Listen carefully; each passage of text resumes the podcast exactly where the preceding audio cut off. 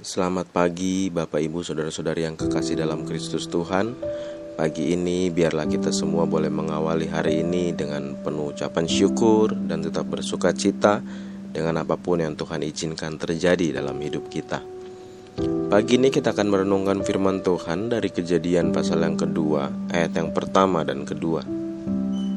Kejadian pasal yang kedua ayat yang pertama dan kedua Demikianlah diselesaikan langit dan bumi dan segala isinya.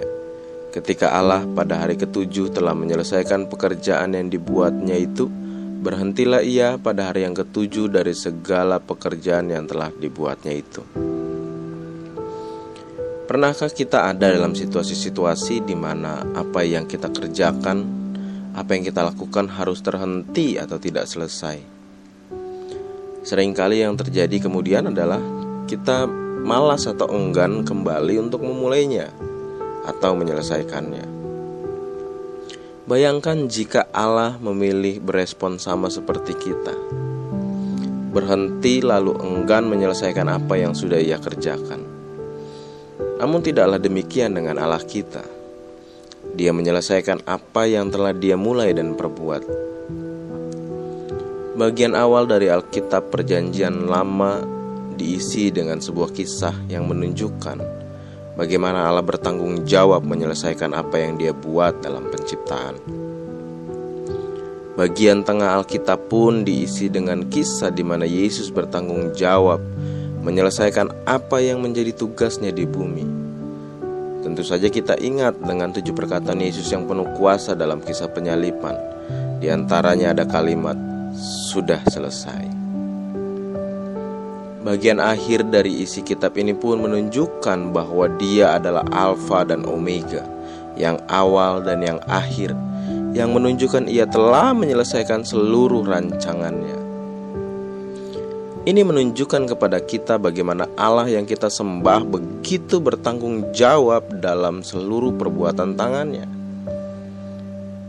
Tapi persoalan klasiknya adalah balik lagi kepada kita Persoalan klasiknya adalah respon dan cara berpikir kita yang sering kali menganggap Allah lalai, Allah tidak bertanggung jawab, Allah membiarkan kita tenggelam sendirian dalam pergumulan dan masalah-masalah kita.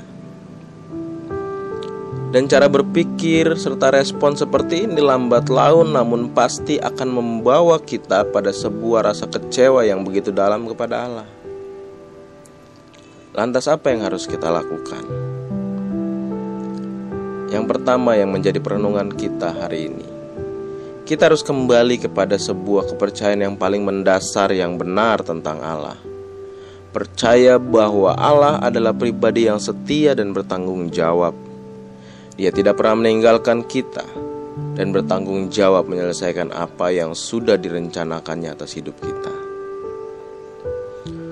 Mazmur pasal Mazmur Mazmur pasal yang ke-138 ayat yang ke-7 dan 8 berkata demikian.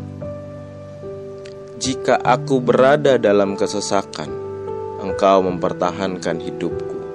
Terhadap amarah musuhku, engkau mengulurkan tanganmu, dan tangan kananmu menyelamatkan aku.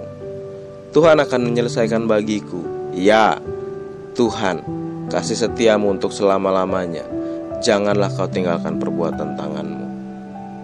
Ini menunjukkan Allah yang bertanggung jawab atas seluruh perbuatannya. Yang kedua yang jadi bahan perenungan kita, selesaikanlah apa yang menjadi tanggung jawab dan bagian kita. Orang yang benar-benar ingin menyelesaikan sebuah pekerjaan akan selalu menemukan jalan. Namun sebaliknya, orang yang enggan untuk melakukan sesuatu akan selalu menemukan alasan untuk tidak mengerjakannya. Mungkin hari ini ada pergumulan yang belum selesai.